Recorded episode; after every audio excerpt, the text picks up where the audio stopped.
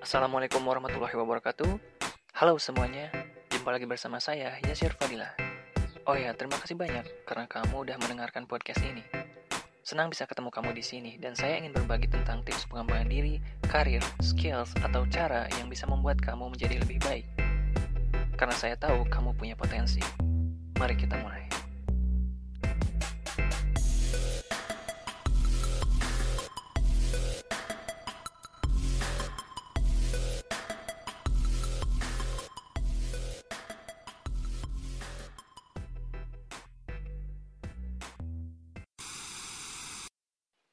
Suatu hari saya melihat teman saya sedang main Rubik. Ya, dia berusaha buat menyelesaikan Rubik itu. Dia kelihatan kesulitan ketika menyelesaikannya. Saya nggak bilang apa-apa, tapi saya cuma merhatiin aja. Karena penasaran, saya coba mencari tahu cara bermain Rubik yang baik dan cepat. Saya menonton beberapa video tutorial. Dan videonya bikin saya agak kaget karena ternyata ada pola pergerakan tertentu gitu ketika kita um, main Rubik.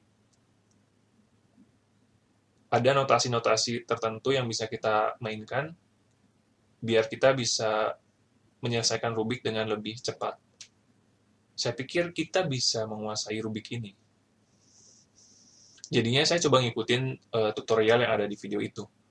Saya coba nerapin apa yang disampaikan di tutorial itu, dan ternyata saya bisa menyelesaikan Rubik dengan lebih cepat. Saya pikir Rubik's Cube ini bukan cuma sekedar uh, mainan, tapi ini juga mainan yang bisa mengasah otak kita. Semakin kita bisa menyelesaikan Rubik's Cube ini, semakin cepat pula otak kita berpikir. Ya meskipun uh, melewati proses latihan berkali-kali ya, tapi tetap aja sih menurut saya ini bisa melatih kemampuan otak kita, kemampuan berpikir kita. Ngomong-ngomong, prototipe Rubik's Cube ditemukan oleh Erno Rubik tahun 1974 di Hungaria. Awalnya dia menemukan itu untuk membantu muridnya memahami arsitektur dan interior design, khususnya tentang masalah tiga dimensi. Dia sempat bilang kalau kita bisa menyederhanakan sesuatu yang kompleks, kalau kita tahu gimana cara mengatasinya. Ya, seperti menyelesaikan Rubik's Cube yang kompleks. Ada beberapa manfaat dari bermain Rubik's. Dengan main Rubik's, kita bisa melatih otak kita buat uh, berpikir lebih cepat. Ya, ini berguna ketika kita mau memilih sesuatu atau mau membuat keputusan. Karena kadang kita suka menunda ketika mau bikin keputusan Iya nggak? Ya nggak semua orang sih. Tapi beberapa orang suka menunda dulu sebelum dia membuat keputusan. Nah, dengan main Rubik ini, barangkali bisa mempercepat proses pengambilan keputusan itu. Lalu, saya belajar sesuatu dari Rubik's Cube ini. Saya sadar dengan filosofi yang berkaitan dengan hidup kita, filosofi Rubik's Cube yang nyambung atau bisa kita terapin di kehidupan kita.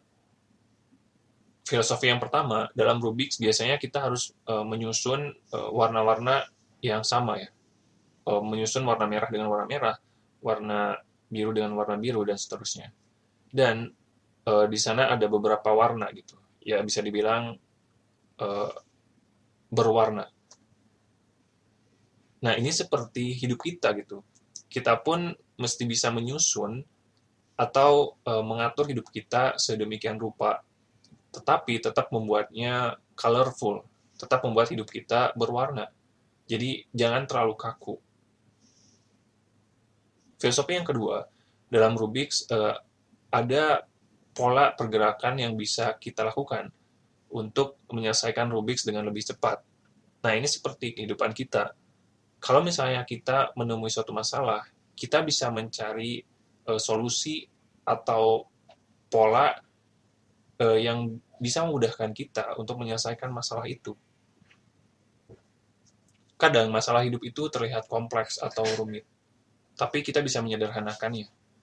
Mari kita gunakan filosofi Rubik's Cube tadi ke kehidupan kita.